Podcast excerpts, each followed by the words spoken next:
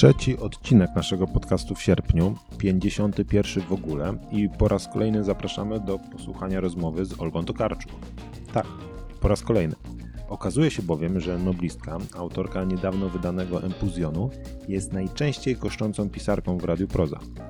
Tym razem rozmawia z inną znakomitą pisarką, Julią Fiedorczuk, którą też możecie posłuchać u nas w solowym występie. A co sprawiło, że panie tym razem usiadły wspólnie do rozmowy? Pretekstem było angielskie wydanie ksiąg Jakubowych. Zresztą posłuchajcie sami.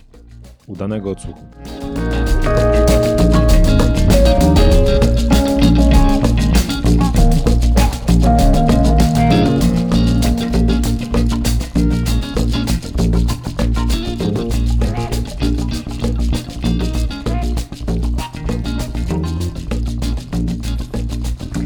Olgo, jeszcze raz bardzo dziękuję, że zgodziłaś się na tę rozmowę. To jest naprawdę wielka frajda dla mnie tutaj być i rozmawiać z Tobą. No i e, chciałabym e, zacząć od tego, że mm, Twoja twórczość jest e, odbierana przez czytelniczki i czytelników, również przez krytyków, którzy, którzy o niej piszą, jako, jako taka twórczość stale przekraczająca granice masz tendencję na pewno do eksplorowania jeszcze nieudeptanych ścieżek umysłu i wyobraźni, do tworzenia zaskakujących połączeń, a jednocześnie jest coś takiego w Twoim pisaniu, że zachowujesz bardzo bliski, czuły, a ja chciałabym powiedzieć intymny kontakt ze światem, z całą jego tą materialnością przemijającą, no i też z tym, co nieco prowizorycznie określamy jako, jako duchowość. I na pewno jest tak u Ciebie, że z jednej strony, e, z jednej strony zwracasz się do, do wnętrza, przyglądasz się ludzkiemu wnętrzu, ludzkiej psychice, ludzkiej duchowości, e, ale też wychodzisz ku zbiorowości, wychodzisz ku innemu. Wydaje się, że lubisz zaimek my. Ja nawet zauważyłam, że podczas bankietu noblowskiego był taki przepiękny moment, wzruszający dla wielu z nas, którzy, którzy to oglądaliśmy wtedy, e, kiedy no, dziękując za, za nagrodę, powiedziałaś, naprawdę dostaliśmy Nobla, we really won the Nobel. Czy lubisz ten zaimek, my? W, w tym kontekście tak, bo zdałam sobie sprawę z tego, że y, zwykle w, jakby w tej tradycji przyznawania nagród przyznaje się jednej osobie i że, ale jakoś traktuje się symbolicznie też to, że no, kto dostał tego Nobla? Dostała, dostał język polski, dostała ta kultura, w której wyrosłam. E, dostali moi nauczyciele, którzy mnie wychowywali, moi rodzice, moi przyjaciele, mój wydawca, ci wszyscy, moi czytelnicy przede wszystkim, którzy mnie wzmacniali od pierwszej książki i mówili fajnie to Karczuk, e, rób tak dalej, podoba nam się to, więc e, na pierwszy rzut oka Wydaje się to bardzo taka indywidualistyczna y, droga, ścieżka, ale w gruncie rzeczy ten kontekst społeczny takiej nagrody, która pokazuje mm, jakąś książkę, jakąś pracę światu, no jest jednak zbiorowy i, i, i tak czułam też wtedy, kiedy to mówiłam. Mhm, mhm. E, I, I, myślę, że wszyscy tak czuli wtedy kiedy, od, kiedy odbierałaś tę nagrodę, myślę, że tak czuliśmy też e, tutaj wszyscy w Polsce, twoi czytelnicy, mm -hmm. że to jest po prostu mm -hmm. wielki moment dla nas, że to jest ogromne wyróżnienie, no dla ciebie oczywiście, z której jesteśmy niesłychanie dumni, ale, ale też dla nas po prostu. Wracając do, do przekraczania granic, e, ja mam takie poczucie, że ty właściwie w każdej swojej nowej książce, w każdym nowym projekcie sięgasz dalej, stwarzasz nowe formy, eksperymentujesz. E, tak też Twoje książki bywają komentowane już w przypadku biegunów. Międzynarodowo właściwie tak ta książka była odbierana. Krytycy często podkreślali, że, e, że to jest powieść transhistoryczna, transnarodowa, oscylująca pomiędzy faktem i fikcją, łącząca wiele dyscyplin ludzkiej myśli. Mm, pisano, że jest to rzecz ekscytująca właśnie dlatego, że tak trudna do zaklasyfikowania. E, I podobnie są odbierane księgi Jakubowe. Mm, tu Przemysław Czapliński, polski krytyk, napisał, że e, księgi Jakubowe to literatura i więcej niż literatura. E, I też napisał, że aby zacząć pisać tę powieść, wystarczyła ci pewnie fascynacja niesamowitą postacią Jakuba Franka, ale żeby skończyć, trzeba było metodycznego szaleństwa. No i rzeczywiście to jest e, potężne dzieło, to jest em, ogromna książka, zarówno po prostu pod względem objętości, jak i rozmachu, e, wielości postaci, zresztą nie tylko ludzkich, ludzkich, ale też, ale też więcej niż ludzkich, zwierzęcych, e, duchowych, splotów historii, e, obszaru geograficznego, obszaru temporalnego, e, całego tego świata, który obejmujesz swoją wyobraźnią w, w księgach Jakubowych. No i chciałabym Ci zadać takie mm, pytanie naiwnej czytelniczki. Jak to się robi? Jak, jak pisze się taką, takie potężne dzieło, które jednocześnie żyje, bo ta książka żyje, jest kochana przez czytelników, jest też na wskroś współczesna jakimś cudem. E, I, i, ile, ile czasu Ci to zajęło i jakich rodzajów pracy wymagało od Ciebie przygotowanie ksiąg Jakubowych? Ja myślę, że podstawową emocją, podstawową umiejętnością, y, czy podstawowym zjawiskiem leżącym u, u, u y, podstaw tych, tej ośmioletniej pracy nad tymi księgami Jakubowymi było coś, co można nazwać fascynacją albo nawet obsesją. Y, Że y, wiele razy mi się to zdarzyło, kiedy pisałam książkę, że temat sam w sobie był tak fascynujący, że po prostu pochłaniał całe moje intelektualne, emocjonalne życie i nie byłam w stanie zajmować się niczym innym. Musiałam się zajmować tylko tym.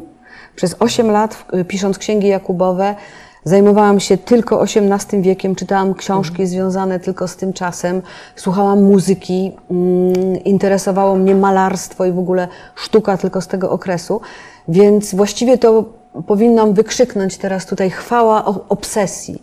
Czasami obsesja ma swoje dobre strony, bo daje energię do penetrowania jakiegoś tematu bardzo dogłębnie. Było to w jakiś sposób też y, obezwładniające, bo to mnie wycięło trochę z życia. Trochę musiałam się wycofać z tego wszystkiego, y, co się normalnie robi, kiedy się żyje. Y, I mm, najgorsze w, w pisaniu takiej dużej rzeczy jest to, że musimy robić coś, czego nie, efektów nie jesteśmy w stanie przewidzieć. Mm, i Psychologowie znają te cechy y, umiejętności odraczania nagrody. E, Dzisiaj mówi się o tym, że to jest cecha, którą nie mają, nie, znaczy nie, nie wszyscy ją mają. Bada się ją u dzieci już w przedszkolach. Czy człowiek jest zdolny odroczyć nagrodę, robiąc coś? Jak bardzo. I okazuje się, że, y, że, że w przypadku pisania, zwłaszcza kiedy w ogóle nigdy nie jesteśmy pewni efektów, jakie nasze pisanie wywrze na innych, to myślę, że zarówno ty jako pisarka, jak i ja musimy mieć tę cechę jakby w ekstremalnym natężeniu. A czy piszesz, kiedy piszesz codziennie? Masz taką rutynę pisarską, że rzeczywiście po prostu wracasz e, do pisania, choćby nie wiem co? Nie mam takiej rutyny. Bardzo bym chciała i zawsze z zazdrością słucham o kolegach. Nie wiem, głównie mężczyźni zawsze potrafią sobie narzucić jakiś taki porządek. Może dlatego, że ich żony ogarniają dom. Y, Nie mam takiej rutyny i wyrywam sobie ten czas do, do pisania. Chociaż wiem, że w przypadku ksiąg Jakubowych ten y, moment, kiedy się książka kończy, y, nawarstwia się tyle problemów do rozwiązania, że właściwie trzeba siedzieć y, kilkanaście godzin na dobę, żeby to jakoś poukładać wszystko. Ale myślę, że nawet jeżeli nie pracuję codziennie po kilka godzin, to i tak gdzieś mentalnie jestem zaangażowana w to. E, I każda wolna chwila zamyślenia się, nie wiem, w samochodzie albo na koncercie, to natychmiast umysł wraca do tego i zaczyna rozpamiętywać sceny, produkować dialogi, sprawdzać jakieś tam powiązania. Także mm, w ogóle proces pisania powieści jest dla mnie fascynujący także tak profesjonalnie, ponieważ ja z wykształcenia jestem psycholożką, więc ym, zawsze mi się wydaje, że, że jakoś nikt z naukowców się nie przyglądnął temu procesowi tworzenia. Jak to się dzieje w ogóle, że, że, że, że jesteśmy w stanie poświęcić tyle czasu, tyle uwagi, jak snujemy te ploty, jak się nie gubimy w tym wszystkim. Co to w ogóle jest za energia, która każe nam urwać sobie taki kawał życia, żeby, żeby napisać jakąś rzecz, bez tej pewności, że to zostanie przeczytane, docenione. No, magiczna sprawa. Tak, tak. A o, z kolei, kiedy mówisz o, mm, o tym kobiecym trudzie e, łączenia e, tej, tej pasji czy obsesji pisarskiej z codziennymi zajęciami, bo to często kobiety, często pisarki mają takie świadectwo, że właśnie nie mają tego czasu takiego, który mogą przeznaczyć tylko na pisanie, żeby po prostu się gdzieś tam zamknąć w swoim gabineciku i myśleć tylko o własnej twórczości. To jest bardzo ważny temat. On się pojawia w księgach Jakubowych za pośrednictwem postaci e, drużbackiej, e, polskiej poetki, autentycznej postaci. No rzeczywiście drużbacka była, pisała, tworzyła, no i tam u ciebie. Ona jest taką kobietą z krwi i kości, która rzeczywiście ma wielki talent, e, e, ale też mówi otwarcie o tym, że ta praca kobiety, e, no to jest praca, której się nie da odłożyć i, i, i ona mówi o, o, o tym balansowaniu pomiędzy, pomiędzy codziennością a, a, a twórczością i to jest, e, i to jest, i to jest, i to jest bardzo ciekawe. Do Drużbackiej może wrócimy, ale teraz e, gdybyś zechciała powiedzieć parę słów o, no, o głównej postaci tutaj, czyli po prostu o Jakubie Franku, kim on był i, i, i dlaczego ta postać Ciebie zafascynowała. To jest, zafascynowało mnie przede wszystkim to, że tak bardzo mało ta postać była znana. Że wydawałoby się z racji mm, y, tego wszystkiego, co się stało, że to powinna być postać, która istnieje, jest zapisana w historii, i to mm, zarówno polskiej, jak i w historii Żydów europejskich i być może niemieckiej historii. Tymczasem e, na początku spotkałam się jakby z takim kompletnym odrzuceniem i, i zapomnieniem tej postaci. Zanim się jeszcze ona jakoś wyklarowała, to została wycięta. I oczywiście e, dla każdego umysłu pisarskiego ta tajemnica, dlaczego ta postać została tak zapomniana, tak wyparta z pamięci zbiorowej, to już samo to było wyzwanie. Więc zaczęłam y, śledzić historię Jakuba Franka, ale też y, zadawać sobie pytanie, dlaczego on był tak mm, jakby niewygodny, że został zapomniany. No i oczywiście okazało się, że różne strony, różne strony uczestniczące w tym, w tej całej historii, historii, która jest niezwykle bogata, pełna zwrotów, e, akcji, y, taka historia właściwie y, przygodowa, że wszystkie strony uczestniczące w niej miały jakiś swój interes, żeby go wyprzeć ze zbiorowej pamięci. Ciekawe bardzo. E, Po pierwsze, e, Jakub Frank był e, kupcem żydowskim, który mieszkał, żył i pracował na pograniczu w XVIII wieku, w drugiej połowie XVIII wieku, w Królestwie Polskim na pograniczu z Imperium Otomańskim, ale tak naprawdę był dzieckiem tej części Europy i bardzo swobodnie poruszał się, wędrując do Grecji, penetrując Turcję i tak dalej, i tak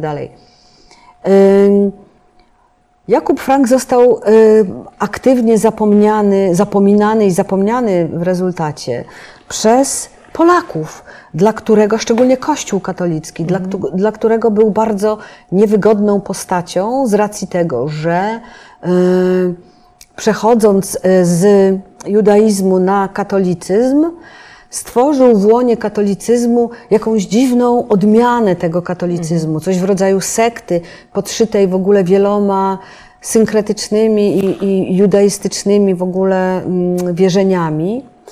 Yy, I postacią był o tyle niewygodną, że mm, wprowadził swego rodzaju ferment na pograniczu tych dwóch religii i został uwięziony. Przez 12 lat siedział w więzieniu w najświętszym miejscu polskiego katolicyzmu, w Częstochowie. To jest y, takie miejsce, do którego się pielgrzymuje, które jest uważane za święte terytorium. Więc on tam był. Mało tego, nie dosyć, że był tam, to jednocześnie jakby ściągnął tam swój dwór i jako więzień nadal kontynuował tę y, jakby działalność tej swojej sekty. Więc jego rola tam w Częstochowie jest y, bardzo niewygodna i taka y, jakby podważająca czyste intencje polskiego kościoła katolickiego. Więc do tej pory niestety nie miałam akcesu do archiwów kościelnych, bo pewnie wiele byśmy się dowiedzieli z tej strony, jak wyglądało to, to uwięzienie do końca. Z drugiej strony był bardzo chętnie zapomniany przez swoich y, żydowskich współziomków, ortodoksyjnych y, Żydów, dla których był heretykiem, dla których był mroczną, czarną postacią, której się należy zapomnienie i wyparcie ze zbiorowej pamięci. Właściwie do współczesności Jakub Frank jest traktowany jako niezwykle mm, no, demoniczna postać y, w judaizmie. I bardzo wielu y, Żydów, z którymi rozmawiałam, miało o nim słabe pojęcie albo wcale o nim nie wiedziało. No i w końcu trzecia strona aktywna w tym zapominaniu postaci Jakuba Franka to są y, potomkowie frankistów, czyli tej grupy, która przeszła z judaizmu na katolicyzm i y, osiedliła się w Polsce, dokonała się bardzo dobra, skuteczna, pełna sukcesów asymilacja. I w, oni, potomkowie frankistów, mm, w takim e, lekko antysemickim nastroju w, w, wtedy w Polsce nie mieli żadnego interesu, żeby przypominać o swoim żydowskim pochodzeniu. Także i oni jakby wycierali swoich dziadków e, ze swojego drzewa i babcie z drzewa genealogicznego. Także mamy tutaj do czynienia z potrójnym, jakby aktywnym zapominaniem, Zapominaniem. historii. Więc jak sobie wyobrażasz, dla e, e, pisarki to jest w ogóle, już samo to jest niezwykle ciekawe i już zaczynasz drążyć, żeby odkryć, a cóż się takiego stało, cóż on takiego zrobił. Zwłaszcza, że no, wyłania się on jako postać niebywale charyzmatyczna. Jako postać o naprawdę niebywałej charyzmie, prawda? Bo, bo, no bo kim on tak naprawdę był? Był e, przywódcą, samozwańczym prorokiem, e, też trochę awanturnikiem. Mesjaszem No, w końcu się ogłaszał. Ogłaszał się Mesjaszem, więc no, prawdopodobnie też był trochę hochsztaplerem. Mhm. E, No, bardzo ciężko jest, jak ty, jak, ty, jak ty czytasz tę postać i jak czytasz też Franka w kontekście współczesności, bo y, ja kiedy czytam teraz Księgi Jakubowe, no to mam też jakieś takie silne poczucie, że że pytania, e, które tobie się udaje postawić poprzez tę postać Franka, czyli pytanie w ogóle o wolność, pytania o duchowość, tak- ta- ta- takie marzenie o, o, o zniesieniu prawa, marzenie o jakiejś utopijnej, nowej społeczności, o tym nowym, nowym, innym, lepszym świecie, który może jest tuż, tuż na wyciągnięcie ręki, prawda? No to nie jeden Frank o tym marzył, to jest w ogóle marzenie mistyków wszelkiej, wszelkiej maści. Ale ja miałam takie silne poczucie, że to jest jakoś bardzo gdzieś współczesna, wpół- współczesna opowieść. Co ty, co, co ty o tym myślisz? Co ty myślisz w ogóle, jak ty sama odczuwasz tę, tę, tę postać? Kiedy wie- wiesz, zbierałam materiały i y, robiłam bardzo potężny research do tej książki, to zdałam sobie sprawę z tego, że mamy tutaj oto do czynienia ze swego rodzaju y, prarewolucją, y, zachodzącą dużo wcześniej niż rewolucja francuska, Francuska, ale o bardzo podobnych y, intuicjach i, i, i jakby rozpoznaniach. I że pomyślałam sobie, że oświecenie, bo mówimy o czasach oświecenia, y, które na zachodzie Europy było już zaawansowane, na wschodzie Europy, czyli właśnie na Podolu, bo to się dzieje, cała akcja powieści się dzieje na Podolu, czyli terenach, które dziś należą do Ukrainy, a w tamtych czasach należały do Królestwa Polskiego. Mm, Czyli to jest y, mm, tamtejszy wschód y, Polski, że, że na tym przełomie dziejów y, te podobne intuicje buzowały zarówno we Francji, jak i w Polsce. W całej Europie po, pojawił się jakby, jakbyś takie rozpoznanie, że prawa nadane nam, które traktujemy, te prawa feudalne, w których y, funkcjonowały wtedy społeczeństwa, że one nie są dane raz na zawsze, że one może mogą być zmienione, że można może z nimi coś zrobić. Ponieważ w Polsce wtedy nie było tej klasy społecznej, która zrobiła rewolucję francuską we Francji, czyli klasy, klasy średniej mieszczaństwa. Mieliśmy y, w Polsce właściwie ogromne, mm, bardzo szeroko rozbudowane chłopstwo, pozbawione praw zupełnie. E, i pewną część, e, b- sporą część, około wtedy jakichś 10% Żydów, kupców żydowskich, najczęściej, którzy byli bardzo ruchliwą częścią tego społeczeństwa, dużo bardziej ruchliwą niż chłopi, więc oni zasysali też z całej Europy różnego rodzaju idee i to oni byli rozsadnikiem takich właśnie niepokornych treści. I w jakimś sensie Jakub Frank jest właśnie, jakby pokazuje w soczewce taką wschodnioeuropejską rewolucję francuską. Ponieważ to, co mnie zafascynowało w tej postaci, było to, że w ciągu jednego, dwóch pokoleń y, frankiści przeszli nieprawdopodobną emancypacyjną drogę. y, właściwie poszli pionowo od biednych, bardzo często bardzo biednych y, y, handlarzy, y, y, y,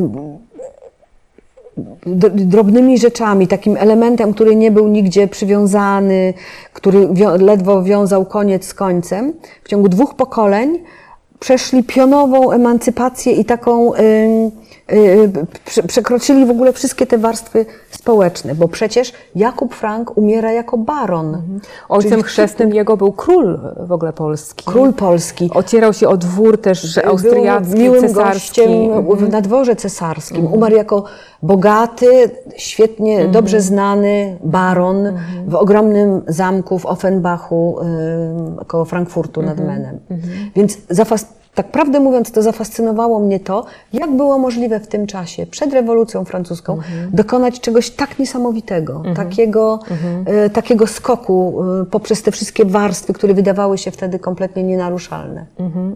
Tak, to rzeczywiście jest niesamowite, bo ten, bo ten klimat wzbierającej rewolucji tam od, od, od, od początku faktycznie jest. Rewolucji, przełomu, jakiegoś takiego właśnie wydostania się na wolność. Ci bohaterowie mówią od początku, że ich interesuje światło. E, e, No a z drugiej strony, mm, skoro mówimy o oświeceniu, to też mam wrażenie, że Trochę pokazujesz w tej książce ambiwalencję oświecenia, niejednoznaczność tego momentu, prawda? Tam nawet jedna z bohaterek pod koniec powieści, podczas rozmowy o już o, o, o, pojęciu oświecenie, mówi: Tam, gdzie coś jest jaskrawo oświetlone, pojawia się cień, zaciemnienie. Im mocniejsze światło, tym głębszy, intensywniejszy cień. I ja to czytam trochę jako też takie odsłonięcie tej, tej drugiej strony oświecenia. Jak wiadomo, oświecenie i rewolucja francuska też miały swoją jasną, ale też swoją bardzo, bardzo mroczną stronę. Tutaj e, w historii Jakuba Franka jest z jednej strony ta emancypacja, o której mówisz, a z drugiej strony też, e, też taki e, moment, kiedy on staje się trochę tyranem wobec tych swoich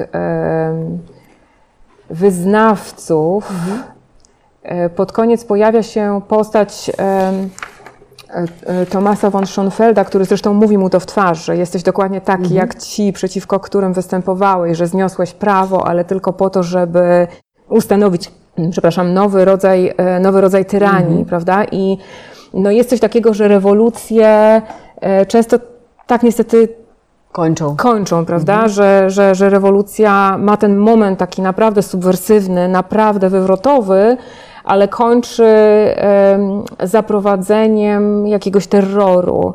E, I, I em, może mogłabyś trochę opowiedzieć o tym, jak, jak ty na to patrzysz właśnie, na, na, na też, też, też na mroczniejsze aspekty tego momentu i, i, i oświecenia, też na, na, na ambiwalencje związane na przykład z, z, z wyniesieniem rozumu jako tej najwyższej instancji e, w oświeceniu, jako jedynej naszej e, takiej prawowitej drogi poznania.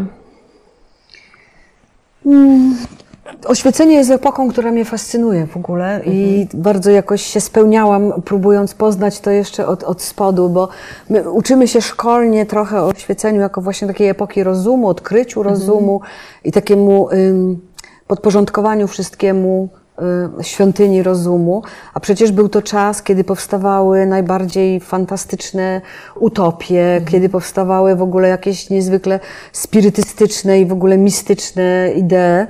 I mm, zawsze się boję, że, że mm, boję się tego, że jak e, e, rozumiemy jakieś bardzo skomplikowane procesy, to mamy taką tendencję narzucania jakiegoś jednego, ograniczonego y, mm, no, szablonu do tego wszystkiego. I ewidentnie oświecenie się wy, wy, wylewa z takiego szab- szablonu. I, i tak samo jest zresztą z innymi epokami.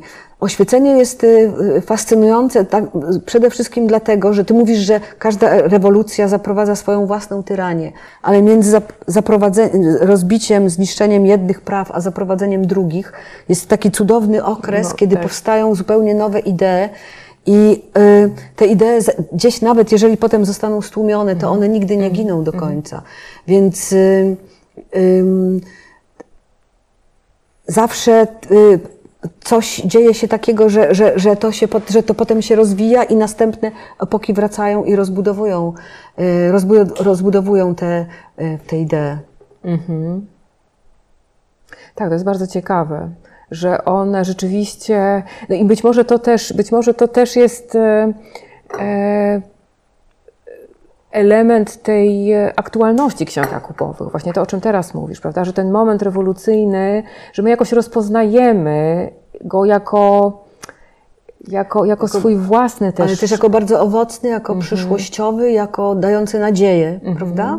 Zanim nie dopadnie nas jakaś Tak, ten moment tyrania. otwarcia, nawet jeżeli on nie może trwać w nieskończoność, nawet jeżeli utrzymanie tej wolności okazuje się ostatecznie niemożliwe, to sam ten moment, kiedy można jakby ją zobaczyć, jest, jest, jest niesamowicie wartościowy.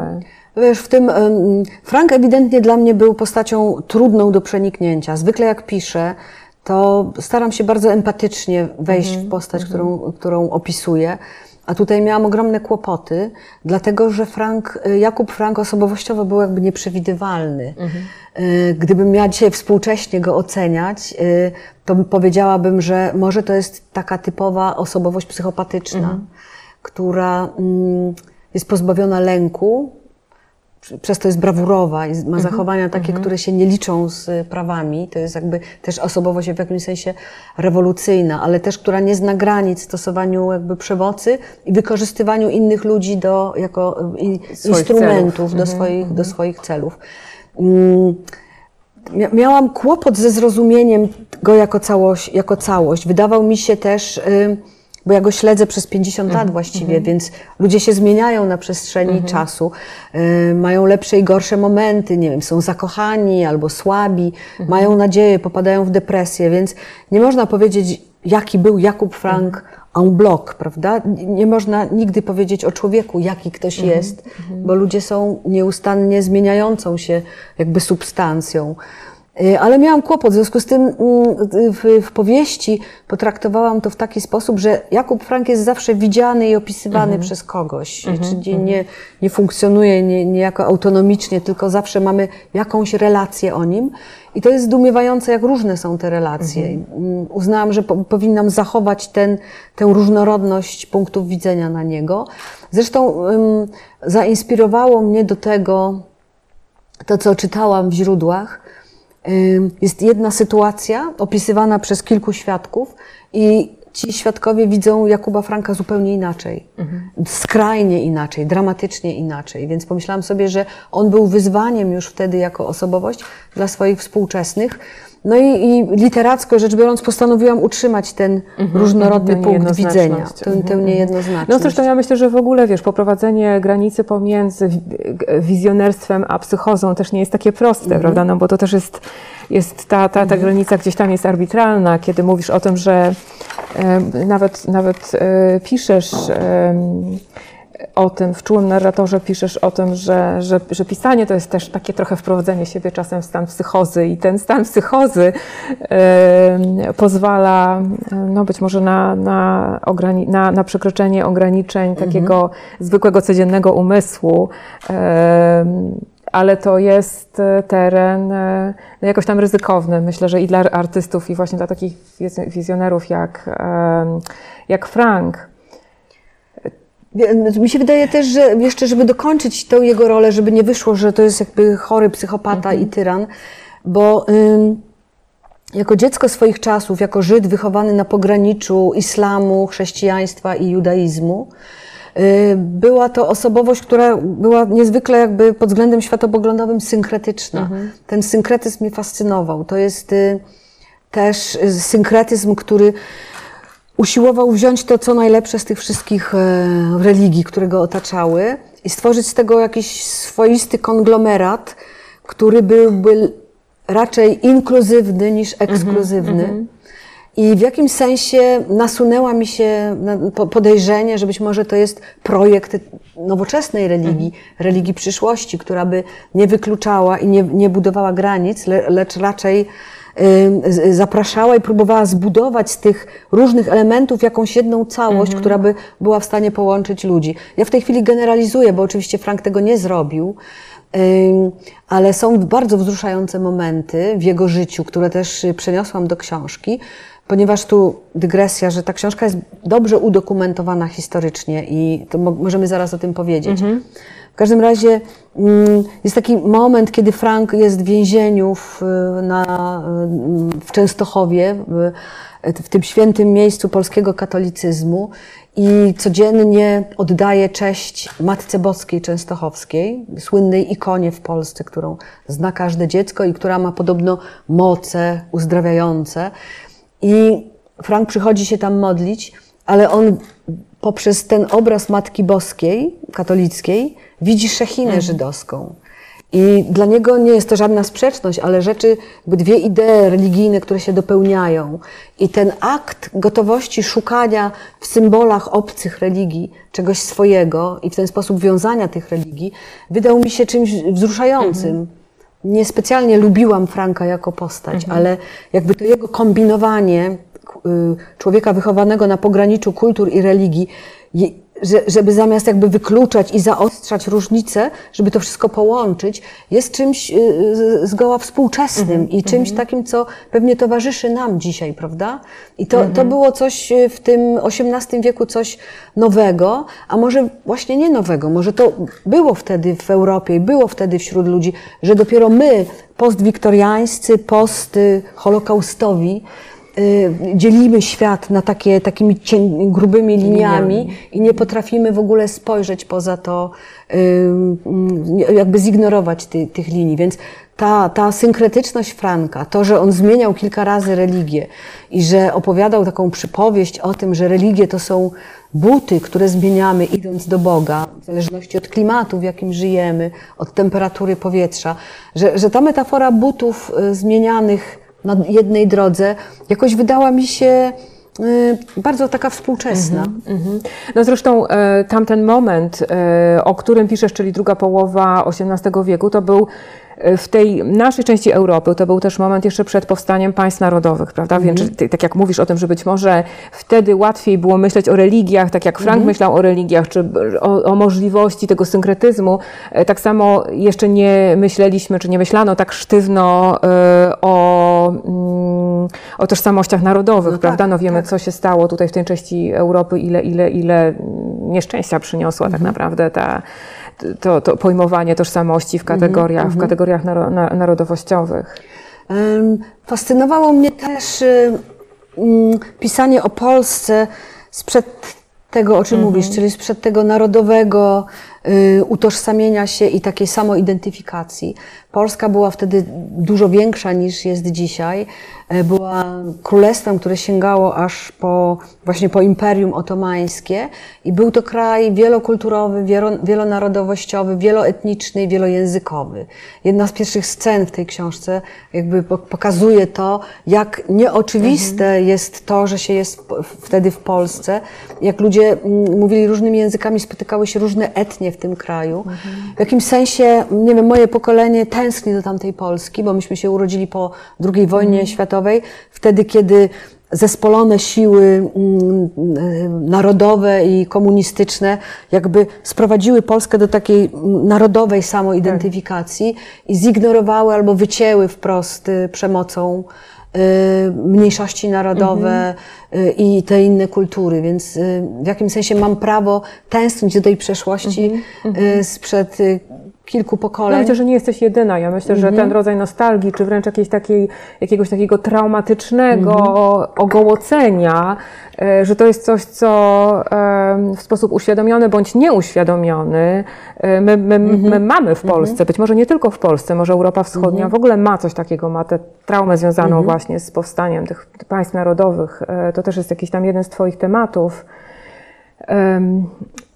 Em, Tymczasem chciałabym y, jeszcze pociągnąć temat e, wolności, jeśli pozwolisz. Możliwe, że to jest moja obsesja, mm, bo, bo, bo ta, ta kwestia tego, co to, czym może być wolność, e, taka wolność, no bo myślimy o wolności takiej zewnętrznej, na przykład wolności przemieszczania się, o tym też sporo pisałaś ostatnio w swoich, w swoich esejach, jak ona jest nierówno podzielona, Dystrybuowana, dystrybuowana pomiędzy ludzi w tej chwili.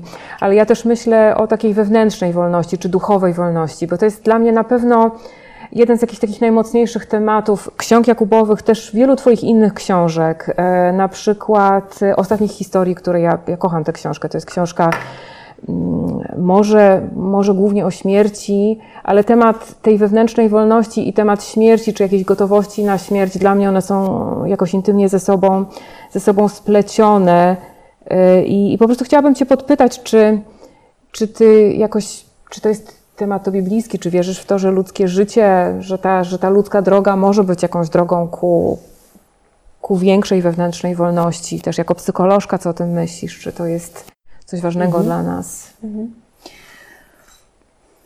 Jako też, wiesz, y, y, dziewczyna wykształcona y, psychologicznie i jakoś cały czas pozostaje w tym paradygmacie poznawania świata poprzez psychikę, to wydaje mi się, że wolność jakoś nierozerwalnie wiąże się z, ze świadomością, z uświadamianiem sobie tego, co, czego nie jesteśmy świadomi, świadomi.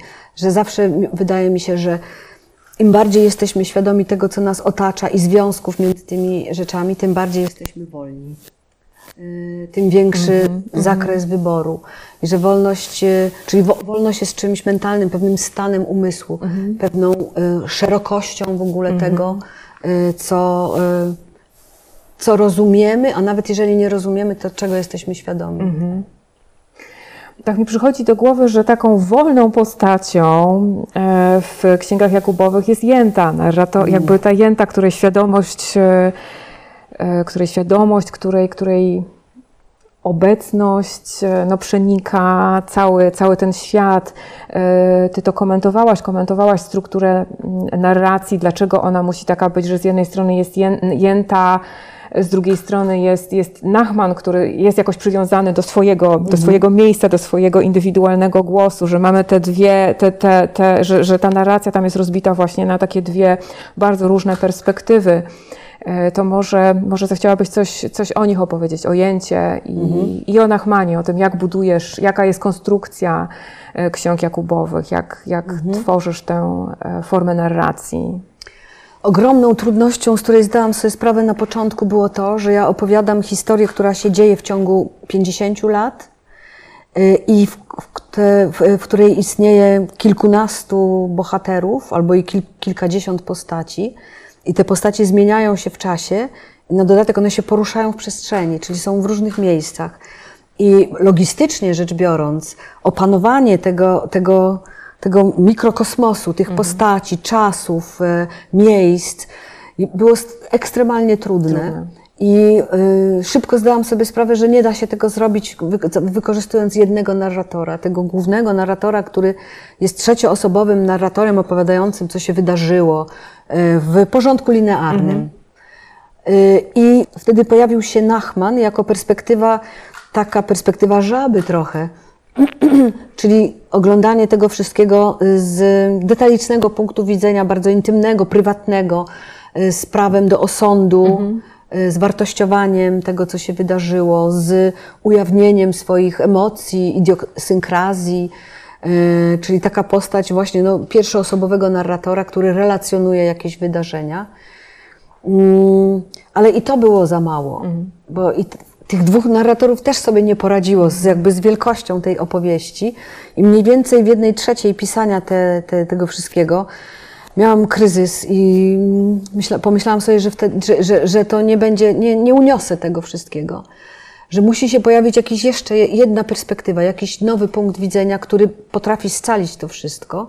No i wtedy pojawiła się ta narratorka w postaci jęty, czyli bytu, który jest, y, wykracza poza czas i zwykłe trwanie człowieka i który widzi wszystko z góry. Ja mówię panoptykalnie, ogląda te, te wszystkie Gdzieś trasy. napisałaś, że jej perspektywa jest droniczna.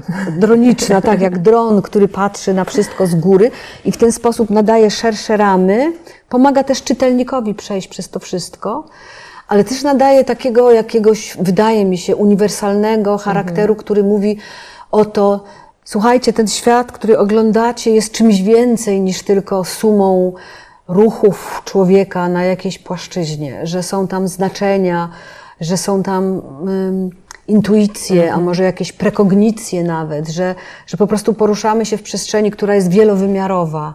I ten narrator wam będzie przypominał o tym, ta narratorka będzie wam przypominała, że, że ta, ta, ta, ta bryła, w której się to wszystko dzieje, jest, ma wiele wymiarów, których nie jesteśmy w stanie objąć i no i tak po prostu jest zbudowane to wszystko.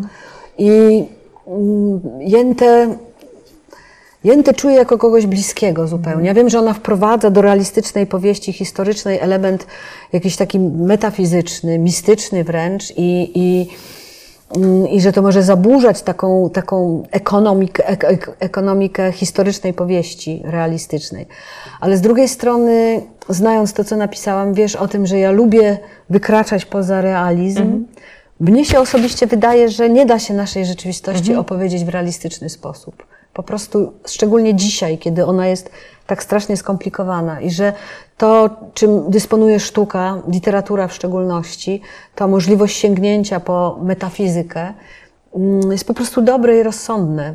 To, to, to nadaje jakby oddechu i, i poszerza trochę horyzonty tej opowiadanej historii. Mhm, Jasne, po metafizykę, również po, po, po metaforę czy, czy, czy alegorię. No, od, tego, od tego jest literatura. Ja się mm, z Tobą absolutnie zgadzam. Jęta mi też jest bardzo bliska. Mm, Ja pamiętam kilka takich momentów bardzo poruszających, kiedy mm, wszyscy przejmują się tym, że kometa pojawia się na, na niebie, a Jęta akurat jakoś kometa ją nie za specjalnie interesuje, bo bardziej ją interesuje jakaś tam scenka, która się rozgrywa gdzieś tam w czyimś domu. To jest bardzo dla mnie taki mocny, mocny moment. E, I również w chwili śmierci Franka ją akurat wtedy interesuje bardziej inna śmierć, taka bardziej, bardziej powszechna śmierć. E, I to jest wspaniałe, bo, e, no bo to też mm, wprowadza inną perspektywę, czy inną jakąś tam hierarchię ważności. Albo, albo inaczej, jakoś destabilizuje to, tę taką hierarchię ważności wydarzeń, która wydawałaby się na pierwszy rzut oka oczywista i to też mi się wydaje bardzo wartościowe, jeżeli chodzi o tę o tę postać Jęty. Jęta poza tym no, jest też e, postacią kobiecą, to jest też mocna postać kobieca, co, co, co też jest ważne. E, Chciałam Cię zapytać o ten kobiecy żywioł w księgach Jakubowych. Wspomniałaś o Szechinie, która jest e, kobiecą stroną a, boskości, Boskości. czy kobiecym elementem boskości. E, No ale tam jest też dużo, dużo bohaterek kobiet i które są dla Ciebie szczególnie ważne, szczególnie bliskie. W ogóle jak widzisz tę rolę kobiecości w całej tej historii? Przede wszystkim, kiedy robiłam research do tej książki, zdałam sobie sprawę z tego, że jak, jak, jak mało kobiet przechodzi do historii, czyli jak, jak mało kobiecych postaci jest zapisywanych w archiwach, po prostu w dokumentach. I że to jest jakiś rodzaj przemocy takiej, wiesz, yy, instytucjonalnej, że yy, pisze się o mężczyźnie i jego żonie, której, której się nie nadaje nawet imienia, prawda? Jeżeli nie jest królową albo mm, nie wiem, kimś bardzo ważnym. I jakiś bunt we mnie to wzbudziło. Zaczęłam się przyglądać tym wszystkim frankistkom, kobietom, bez których dwór Franka nie mógłby funkcjonować, a one często miały imiona zrobione z imion męskich, czyli na przykład, nie wiem, y, mm, ktoś się nazywał y, Józef, to się mówiło o niej Józefowa, prawda? Y, I te kobiety naturalnie ginęły gdzieś tam, nie, nie, nie przechodziły w czasie i na, na, następne pokolenia historyków jakby w zupełnie spaczony sposób rozumieli tę historię. I zdałam sobie sprawę, że ten proceder się nadal dzieje, że to się dzieje też współcześnie, e, żeby przywołać czasy Solidarności. E, W, w ruchu Solidarności w 70., 80. latach brało, e, brało mnóstwo kobiet, które po prostu robiły te rewolucje. I kiedy system się zaczął stabilizować już po, po, po okrągłym stole w Polsce, te kobiety zostały jakoś tak wypychane, wypychane. Nagle potem, 20-30 lat potem okazało się, że to właściwie mężczyźni to wszystko robili. Więc widzimy, że te, ten sam proces dzieje się i współcześnie. I y, te kobiety, które mm, działały wtedy i zarówno po stronie Franka, jak i w ogóle wtedy po drugiej stronie, po tej katolickiej, to one właściwie też zostały jakoś tak zapomniane, mało się o nich mówi, mało listów po nich zostało. Więc y, założyłam sobie zupełnie świadomie taką rewindykacyjną, y, y, rewindykacyjny reżim, reżim. Czyli tam, gdzie natykałam się na jakiś szczątek kobiecej obecności, to postanowiłam go jakby eksplorować, przywracać, szukać, y, przy, przywiązywać dużą uwagę do tych obecności kobiet. I rzeczywiście była to skuteczna strategia, bo y, kiedy na początku się dowiedziałam, że jedną z protektorek Franka była y, niejaka Katarzyna Kosakowska, to właściwie w polskiej historii niewiele znajdziesz o tej postaci. Postaci. Dopiero jak się pogrzebie w dokumentach, okazuje się, że ona zostawiła listy po sobie, które dziś leżą zakurzone w archiwach, że była bardzo prominentną polityczką, jakbyśmy dzisiaj powiedzieli. Działała w polskim Sejmie, prowadziła salon, w, którym bardzo aktywnie wpływała na politykę polskiego Sejmu. I z jakiegoś powodu została zapomniana. To samo dotyczyło tej poetki, o której wspomniałyśmy na początku, Elżbiety Drużbackiej, która była wtedy dosyć znana, ale właściwie mężczyźni, poeci z jej czasów weszli do podręczników, prawda? No A ona jakoś tak się rozpłynęła, mimo że naprawdę była świetną poetką, jak Tak. patrzymy na to dzisiaj z dzisiejszej perspektywy. Poza tym jej postać mnie zafascynowała także dlatego, że mi przypomniała nas współczesne, bo to była kobieta, która mm, y, żyła z tego, że y, recytowała swoją poezję jeżdżąc po dworach bogatych ludzi. Ci ludzie jej płacili za to. I ona po prostu wiecznie w powozie jechała, przy okazji handlując swoim winem czy tam przetworami i utrzymywała swoje sześć córek z tego jakby literackiego procederu. Więc y, w jakimś sensie była prekursorką w ogóle nas, kobiet, które mają dzieci, rodziny, które też piszą, tworzą, żyją. Y, Wzruszająca postać i bardzo bym chciała, żeby w polskiej literaturze pojawiła się taka potężna monografia tej, tej poetki, jakby z całym anturażem też społecznym tego, jak, jak kiedyś wyglądała twórczość y, kobieca mm, i co z tego zostało do dziś, a co się zmieniło. Więc y, jak pytasz o, o kobiety w tej książce, to y, z jakiegoś takiego z poczucia przyzwoitości i poczucia sprawiedliwości próbowałam zaprowadzić jakiś taki sprawiedliwy porządek w tych postaciach. Ona się, powieść zaczyna się w ogóle od, od kobiety, prawda? Tam na początku pojawia się Kostakowska, wkrótce pojawia się Drużbacka. Tak, rzeczywiście te momenty, kiedy ona gdzieś tam jeździ po tych dworach ze swoją poezją, a myśli o tym, że jej córka właśnie rodzi dziecko, e, to brzmi, e, i, i czy tam w ogóle myśli o swoich, myśli o swoich dzieciach, to rzeczywiście brzmi bardzo, bardzo swojsko i, i, i bardzo znajomo. Wspomniałaś wcześniej, że, że chciałabyś powiedzieć trochę o mm, dokumentacji, o całej tej pracy takiej dokumentacyjnej. Teraz też mówiłaś o tym, że, ze szczątek y, tej obecności kobiet odtwarzałaś e, te postacie, żeby jakoś je przywrócić do życia. To jak to, jak ta praca wyglądała? E, Pierwszy raz w życiu pisałam powieść y, opartą na, na faktach, powieść historyczną. Nie miałam żadnego warsztatu, nie mam też takiego przygotowania, wiesz, robienia, do robienia researchu. W jakimś sensie ignoruję kompletnie bibliografię. Jakoś, mm, w związku z tym pracowałam bardzo chaotycznie i, i, intuicjonalnie, intuicyjnie i czułam tylko, że muszę się dowiedzieć więcej, żeby zbudować poszczególne postaci i poszczególne sceny. Ponieważ temat był czasami grząski i niebezpieczny, dotyczył relacji na przykład polsk, polskiego kościoła katolickiego do judaizmu, bardzo łatwo byłoby się zsunąć w jakieś w ogóle mm, nieprawdziwe rzeczy, to pilnowałam się bardzo mocno, żeby wszystko, wszystkie te sceny, które są, mogłyby być źle zinterpretowane, są oparte na faktach, a w przypadkach skrajnych są cytatami. To znaczy cytowałam dokumenty w tych przypadkach, które były szczególnie jakby gorące w tych scenach. Oczywiście pisanie powieści nie polega na tym, żeby opierać się tylko na, na faktach, bo szkielet tej powieści jest zbudowany na faktach. Miałam to bardzo dokładnie rozpisane.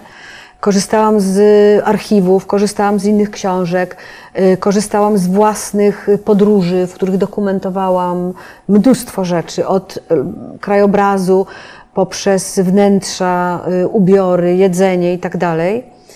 To jednak tą, tym ciałem powieściowym są sceny, są ludzie, są dotyki, są zmysły. Nie da się powieści napisać Jasne. bez tego, jak to się czuje, jak to się, jak to się wszystko tam jago, jakoś odbywa. W związku z tym wtedy dawałam sobie taką wolność do, do budowania, do używania wyobraźni, do, do, do korzystania z fantazji, ale to było po to, żeby zbudować pewien przekonujący świat dla czytelnika, żeby on mógł w ten świat wejść i poczuć się w nim tak bardzo zmysłowo i dać wiarę temu światu. Więc ja sobie nazwałam tę metodę metodą koniektury. E, To jest taka metoda, którą stosują archiwiści, kiedy, kiedy mm, odnawiają zniszczony tekst. Tekst e, zniszczony przez myszy ma na przykład wygryzione dziury w tekście i koniektura polega na tym, że domyślamy się tego, co było, e, jak, znaczenia w tych, tych, w tych brakujących części, no i przywracamy całość tekstowi tak, żeby on e, sprawiał wrażenie, że jest całością. Więc to próbowałam robić, używając właśnie tej metody powieściowej. A jak z korespondencją drużbackiej, o której, o której mówiłyśmy przed momentem, i księdza Chmielowskiego? Czy ta korespondencja istnieje, czy, e, czy to jest e, koniektura? To jest koniektura. W ogóle spotkanie księdza y, Chmielowskiego z Drużbacką jest y, fantazją, ale taką fantazją właśnie to jest coś, to, to brakuje słowa w ogóle na to, bo mm, to są ludzie, którzy mieszkali, y, bywali koło się w, w promieniu tych kilkunastu, kilkudziesięciu kilometrów. Na dodatek mieli tego samego wydawcę, na dodatek bywali w tym samym środowisku, więc bardzo łatwo jest i chyba słusznie założyć, że musieli się spotkać. Nawet jeżeli nie prowadzili ze sobą korespondencji albo nie rozmawiali ze sobą, to na pewno fizycznie musieli się Prze- jakoś... Musiał się przeciąć ich. Tak, musiały się przeciąć ich losy, więc y, jakby domyśliłam to spotkanie, mm, traktując też ich spotkanie jako swego rodzaju dyskurs o pisaniu, o tym, y, jak właściwie opisujemy świat, co jest ważne, jakie metody stosujemy, jaką rolę ma język. Więc oni sobie tam siedzą i dyskutują. Y, I mm, wydaje mi się, że to jest taka, taki metapoziom tej powieści, który też pomaga trochę zrozumieć, jak ta powieść powstawała. Tak, to jest mm, w moim odbiorze. e, Ta Twoja książka jest e, o pisaniu nawet w większej mierze niż, niż, niż inne Twoje powieści. I tutaj e, akurat w tej korespondencji padają takie wspaniałe sformułowania. Drużbacka mówi o doskonałości form nieprecyzyjnych, a z kolei ksiądz Chmielowski e, w jednym z listów pisze, że literatura to jest jakiś rodzaj wiedzy. E, No i już, już powoli zbliżając się do, do końca tej naszej rozmowy, chciałabym Cię zapytać o ten rodzaj wiedzy, jakim jest literatura i też o to, o czym e, często mówisz ostatnio, czyli o taki kryzys opowieści. Ja sama mówię o, o kryzysie, czy wręcz katastrofie wyobraźni. E, Tak, to też zgadzam się z Tobą. Pandemia e, literalizmu albo biało-czarnego myślenia, prawda? Tak jakbyśmy stracili dojście do tego źródła, bo mnie się wydaje, że nie jest, nie jest najważniejsza opowieść. Mm, Myślę, że po latach pisania wydaje mi się, że to, co jest istotne, na czym stoi literatura, to jest uczestniczenie w jakiejś opowieści, która jest większa niż my, która się rozdwaja na jakieś, roz, rozczapierza na indywidualne jakby niteczki, ale to uczestniczenie w opowieści jest chyba kwintesencją w ogóle kultury, a może nawet cywilizacji. I bez tej możliwości wejścia w opowieść, co umożliwia nam literatura i sztuka, będziemy takimi lu- ludźmi dwuwymiarowymi, kompletnie pogubionymi w tym wszystkim. Więc też patrzę na kryzys literatury, na przykład lamenty, że ludzie nie czytają.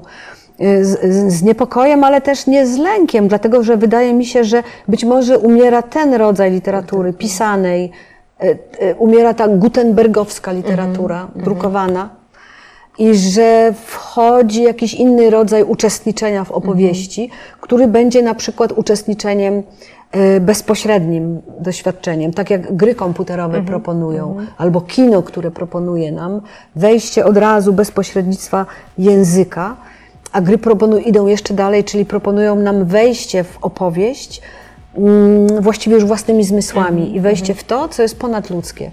Więc y, to tak zdaje się, że, że, że mm, e, aborygeni australijscy wierzyli w to, że życie jest takim snem, taką wielką opowieścią i literatura jest narzędziem, dzięki którym wchodzimy w tę opowieść i w niej funkcjonujemy. I myślisz, że w tej swojej fundamentalnej roli literatura nie jest zagrożona? Ucz- nie będzie człowieka, jeżeli nie, nie będziemy będzie. uczestniczyli we wspólnej opowieści. Po prostu ludzie staną się y, jakimiś istotami, które jedzą, piją, ale nie będą już ludźmi. No, myślę, że to jest chyba dobra konkluzja dla tej naszej rozmowy. Dziękuję Ci bardzo i dziękuję wszystkim Państwu, którzy e, nas słuchali dzisiaj. Do widzenia. Dziękuję bardzo, do widzenia.